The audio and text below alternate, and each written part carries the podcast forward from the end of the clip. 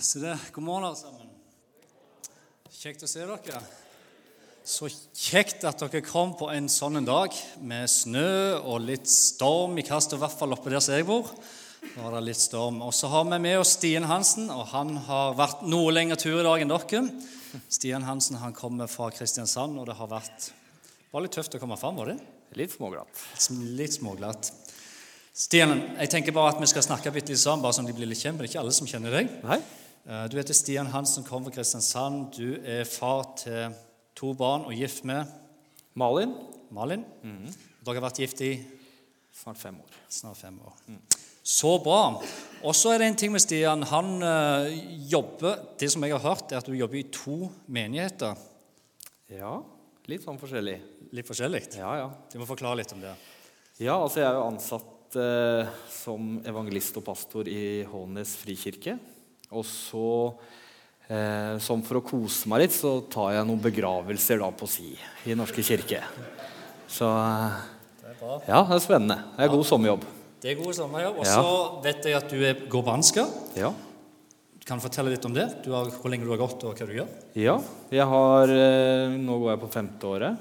Tar en eh, master i praktisk teologi og i bibelvitenskap for å bli da kantiol, altså prest. Prest. Ja. Så du skal bli prest? Jeg skal bli prest i Norske kirke fordi vi trenger noen konservativ, karismatisk, lavkirkelige, ordentlige lutheranere inn i den kirka. Det var et bra mål. Det syns jeg var veldig, veldig fint.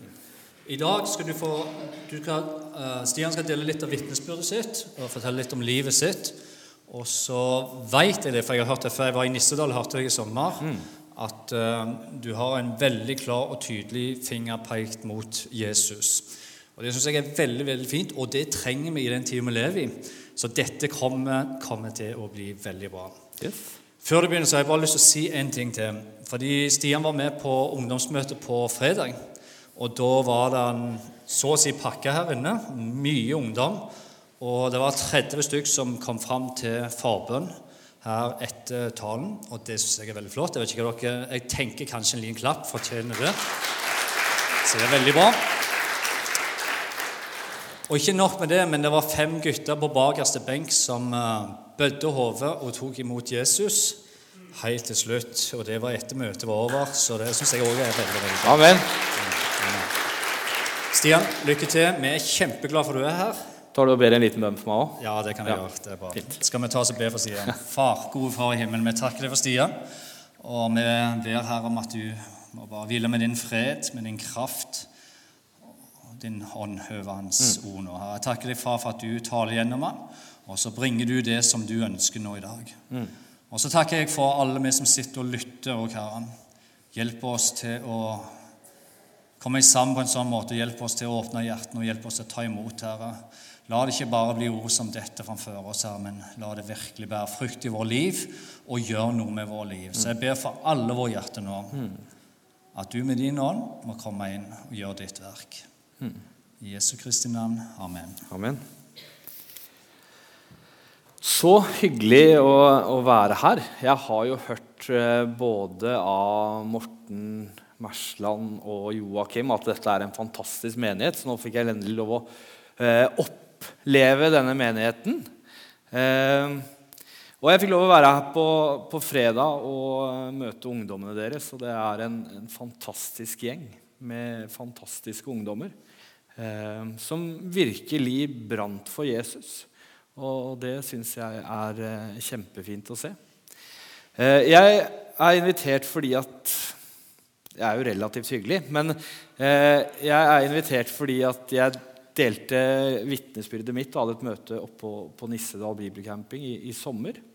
Eh, og eh, jeg kan egentlig bare begynne. Og det som skjedde med meg altså Jeg blir da født i, i 1984. Eh, det var det året Prince ga ut Purple Rain-albumet sitt, som sikkert mange husker. Eh, og jeg blir da født inn i en familie hvor jeg har to narkomane foreldre. Eh, og den gangen så var ikke barnevernet eh, like på ballen som det det er, i, det, det er i dag. Så selv om min mor og far var rusmisbrukere, så ble jeg da, fikk de foreldreretten over meg etter jeg ble født. Og eh, når jeg var ca. ett år gammel, så valgte min, eller min, mor og far de skulle på fest. Og så hadde de da en, en liten gutt på ca. 62 cm. Eh, og hadde ikke barnevakt, så ja, hva gjør man da? Man har lyst på fest, og man har ikke barnevakt. Eh, så de fant da fram lekegrinda, som er en gang én meter. Og så plasserte de meg oppi den eh, og reiste på fest. Og så glemte de da denne lille gutten som var i, i lekegrinda, og så ett døgn etterpå så kom min tante og barnevernet og, og plukka meg opp fra den lekegrinda. Så det er jo en fin start på livet. Da kjenner man bare at det, det røyner på med velsignelser. Eh, og, og, livet er herlig. Så jeg havna i fosterhjem. Og min mor eh, kjempa litt for å få, få, meg tilbake, så hun reiste på avrusning og litt sånn forskjellig. Og når jeg var da syv år gammel, så hadde hun gifta seg på ny, var på avrusning og var hjemme eh, på perm eh, hos hennes daværende ektemann. Og det som skjer da, er at de havner i en, i en krangel, og han knivstikker og dreper henne eh, mens hun er på perm. Så da har du liksom fått som syvåring eh, møtt livet, det lyse, gode livet på den gode siden. Dette skaper jo da et, et mørke, et, en lengsel fordi å, det å ha en mors kjærlighet altså Det er vel ikke noe som kan sammenlignes med det. Eh, så, så, dette mørket vokser i meg, og eh, som, som 13-åring så, så, begynner jeg å drikke. Da husker jeg jeg drakk meg drita full på noe hjemmelaga ripsvin eh, på ungdomsskolen. På sånn ball vi hadde da. og som 14-åring så husker jeg vi var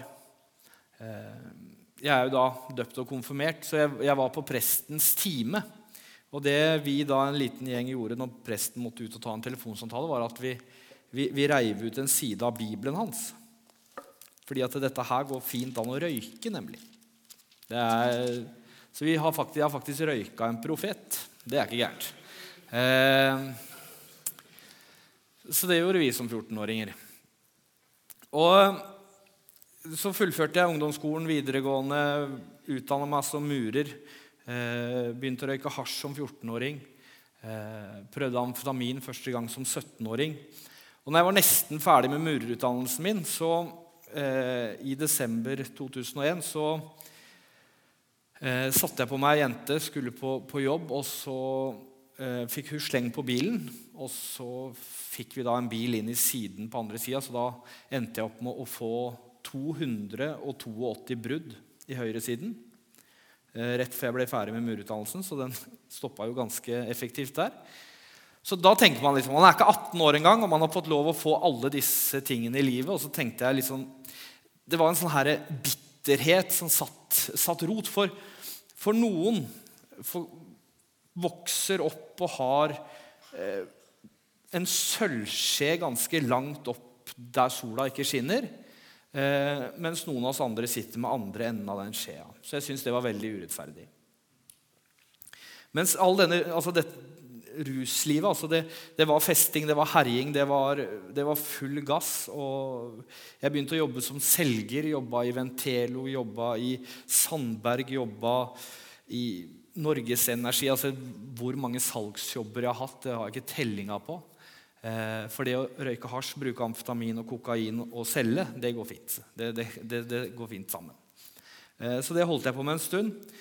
Eh, og bak dette her så hadde jeg jo, som heldigvis veldig mange har, en bestemor. Det er alltid en god bestemor et eller annet sted som bærer. Og det var på en måte mitt ankerfeste, min eneste trygge grunn var bestemor og bestefar.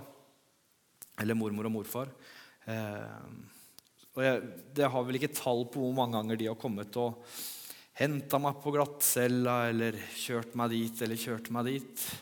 Eh, og alt dette mørket det skaper jo et sinne, og dette sinnet må jo da få utløp et eller annet sted. Så jeg husker at jeg havna i slåsskamp med, med seks gjærstølinger eh, på utsida av Tordenskjold i Langesund. Eh, og endte opp med å slå de ned med jernstang. Det ser dere for dere. Eh, så, så, så, det var på en måte mitt liv. Eh, og, så, og, så, skjedde det noe i 2006. Da var jeg på, på en syretripp. Noen som vet hva en syretripp er? Enkelte, noen få.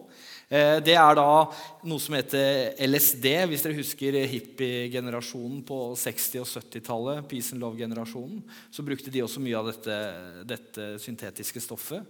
Eh, det er ikke bra i det hele tatt. Jeg husker jeg satte meg ned i en sofa, og sofaen fortalte meg at jeg ikke fikk lov å sitte inn. Ikke sitt på meg. Nei, Så da måtte jeg flytte meg. Eh, men det ga meg likevel et hva skal jeg si, Det åpna opp noe, fordi at jeg fikk et perspektiv på at det fantes mer mellom himmel og jord enn hva jeg klarte se, forstå og erfare. Det var på en måte en, en annen dimensjon, en annen sfære. så Mitt spørsmål var egentlig fra 2006 hva er sannheten? Og ikke da den postmodernistiske forståelsen at sannheten er relativ bare for meg, men hva er denne ene store sannheten hvor alt springer ut ifra? Eh, og i det miljøet jeg var, så var eh, noe som heter animisme, altså sjamanisme, det at det fins en det er moder jord, og det er guden i det og guden i det treet og guden i steinen og guden overalt. Veldig panteistisk. Eh, det på en måte hadde god koherens med min forståelse av hva jeg så på som det åndelige. Men det ga meg aldri no, noe særlig fred. Så jeg begynte å søke videre og søkte i hinduisme, men der var det altfor mange guder, så jeg skjønte ikke så veldig mye av det.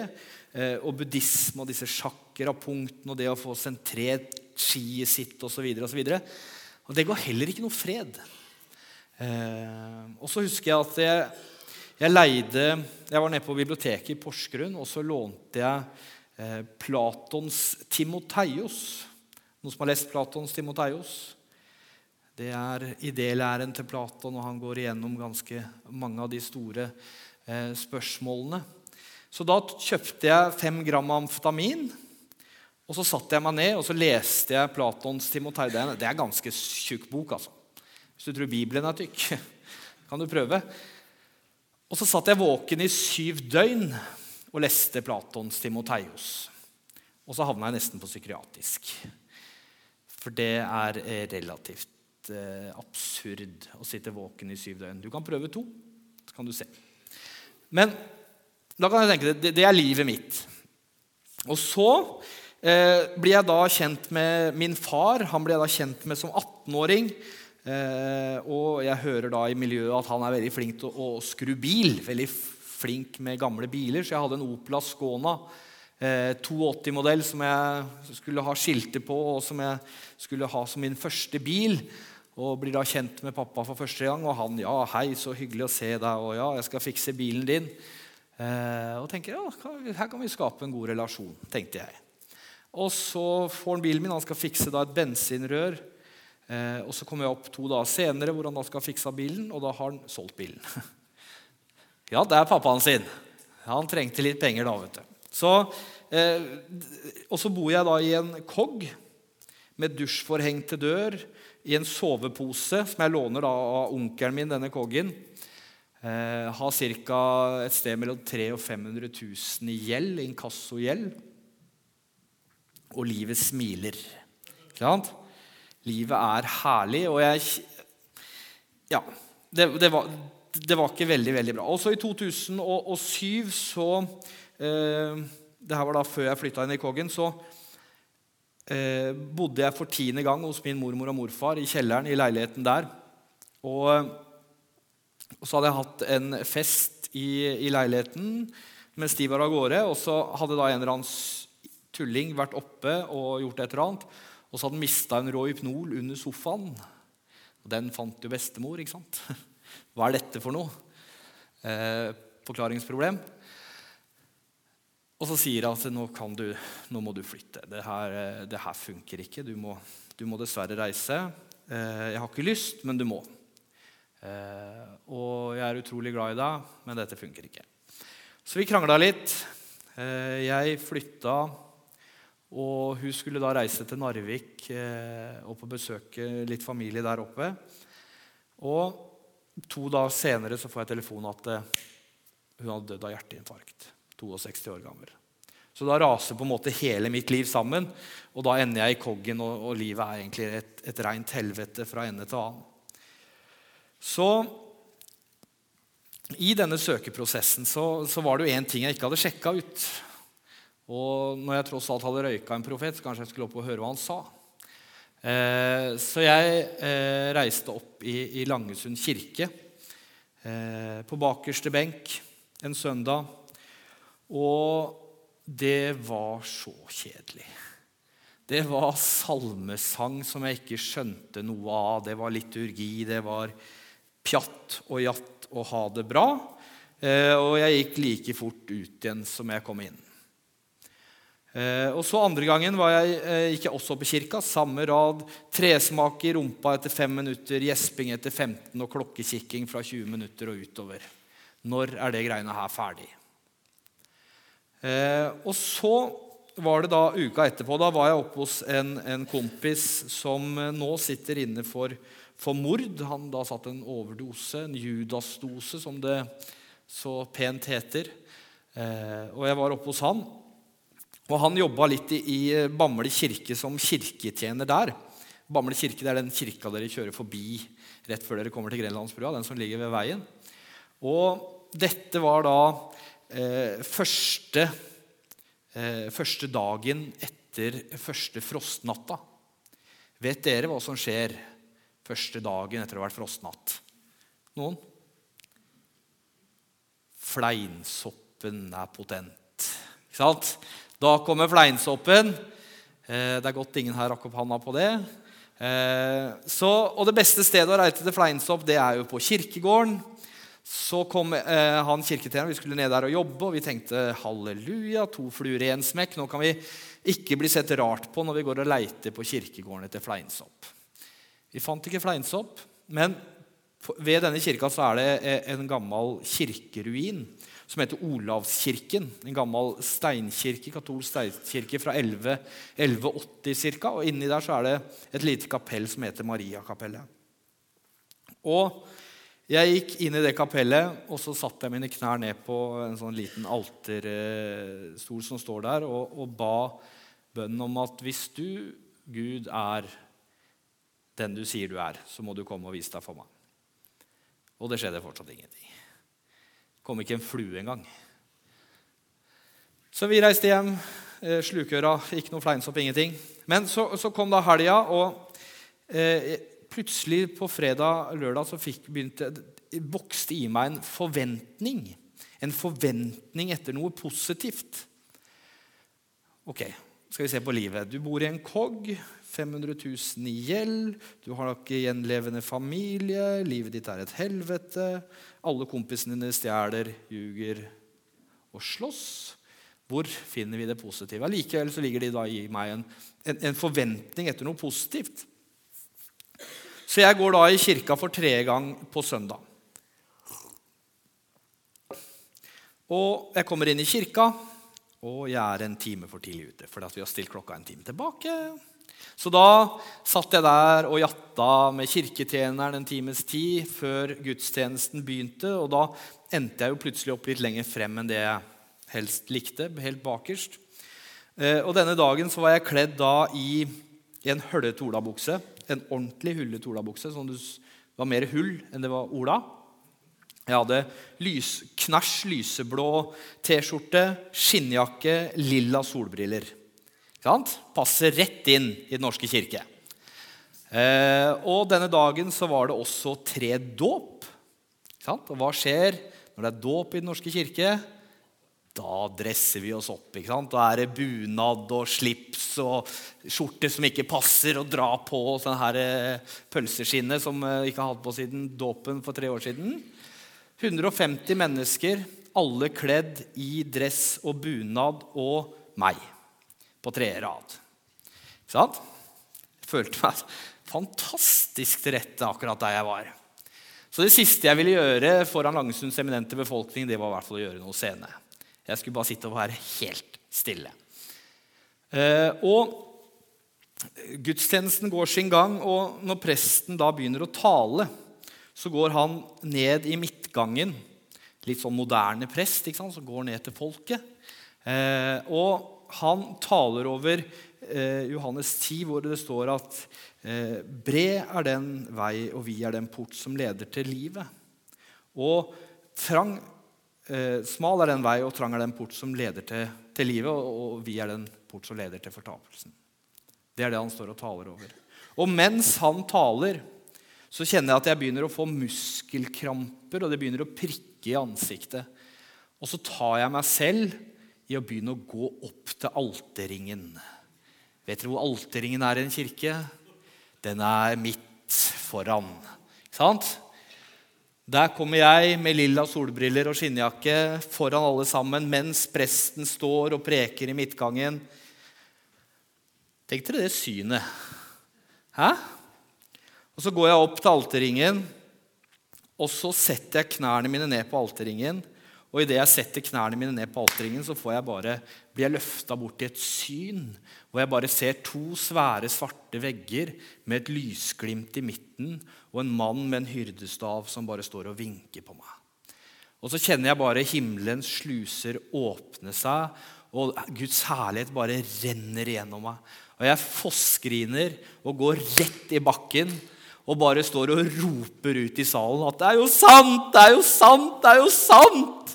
Og de gamle damene på første rad tror at det her er en som har klikka fullstendig. Han må vi få ut på båre. Eh, men selvfølgelig så satt det et par pinsevenner litt nede i salen som skjønte at her er Guds ånd virkekraftig.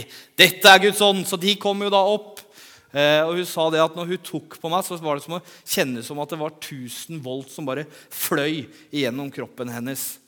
Eh, og Jeg ble tatt inn på sakristiet. Eh, og det han sa, han mannen da, var at dette var noe du måtte finne ut av sjøl. Det var det eneste han sa. Dette måtte du finne ut av sjøl. Så da var jo alt bare fantastisk. Og jeg gikk ut av kirka og ned i koggen. Hadde fortsatt en halv million i gjeld. Fortsatt de samme vennene. Og alt var egentlig likt. Men inni meg så hadde det skjedd en ufattelig forandring. For jeg klarte plutselig ikke banne lenger. Og når alle adjektivene og superlativene, alle ordene du bruker, gjerne er banneord, så blir du veldig tom i språket etter hvert. Når alt dette forsvinner på én dag. Så ikke klarte jeg å banne, ikke klarte jeg å ljuge.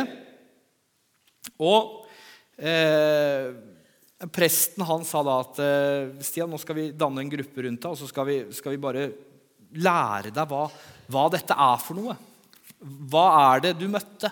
Nå, nå skal vi gå sammen gjennom det. Eh, og Ca. en uke etter jeg eh, hadde møtt Jesus, så, så ringer det ei venninne av meg som heter Mette.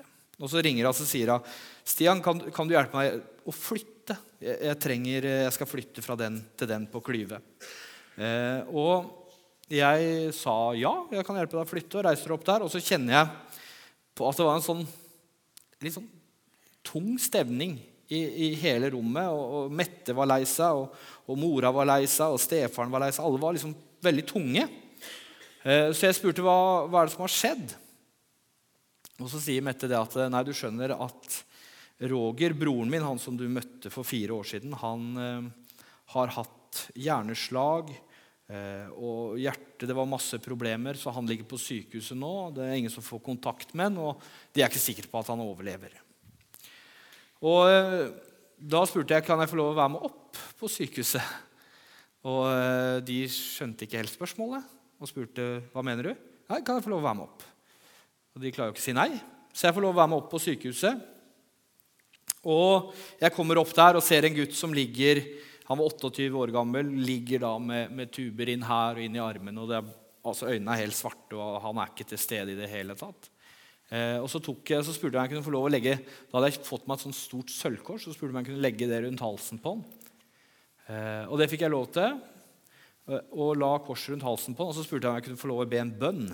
Jeg hadde vært kristen en hel uke, så eh, vi må jo selvfølgelig eh, kjøre på. Eh, så jeg ba en bønn for, for Roger. og, og ba, Jeg vet ikke hva jeg ba. Jeg stutra fram noen ord. Eh, og det skjedde ingenting, så da måtte jeg jo stå og apologetisk forsvare den kristne tro og hvorfor ikke helbredelse fungerer. Nei da, jeg måtte ikke det. Eh, jeg ba en bønn. Det skjedde ikke noe. Jeg reiste hjem, de reiste hjem, vi var ferdige å flytte. Og så får jeg en telefon tre dager senere. Og det er Mette som ringer. Og så sier Mette, 'Stian, hva var det du gjorde med Roger oppe på sjukehuset?' Nå løper han rundt i gangene på sjukehuset og roper halleluja amen til alle han møter. Hæ? Det er jo helt fantastisk. Og Han fortalte meg ettertid at når han lå der i sykesenga og han ikke klarte å snakke eller bevege seg, så, så følte han at han ble dratt ned i mørket, og at det kom en, en hånd, en lysets hånd, som bare løfta han opp til livet eh, i troen på Jesus Kristus. Eh, så da var jeg jo nyfrelst og fin, så da gikk jo det veldig bra. Men jeg hadde fortsatt de samme problemene, og dette var en prosess som jeg gikk i. Og så sier presten til meg at siden nå, nå har vi gått et halvt år. Nå kutter du ut all den driten du driver For det er ikke så lett å bare slutte å ruse seg på, på øyeblikket. Så sa han at nå kutter du ut all den driten du driver med, og så fortsetter du å røyke hasj. Det er presten sin. Nå kutter du ut det, og så fortsetter du med det. Det er helt greit. Eh, så det gjorde jeg. Og så gikk det fire måneder. Jeg klarte å kutte ut på dagen. Så gikk det fire måneder, og så klarte jeg å kutte ut hasjen også. Så jeg er på en måte helt rusfri. Eh, jeg eh, hadde begynt å ta, ta tak i gjelda. Jeg hadde søkt på bibelskole i Grimstad. Og Der begynte jeg i 2010, sommeren 2010. Og gikk på bibelskole der fra 2010 til 2011.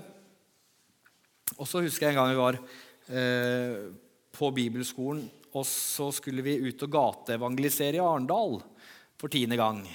Det var snø, det var kaldt, det var mørkt.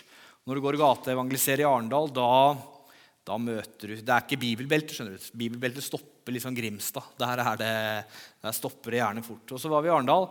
Eh, vært der ti ganger ca. Ikke fått en eneste person til å se på Jesus engang. Det var krangling og, og, mye greier.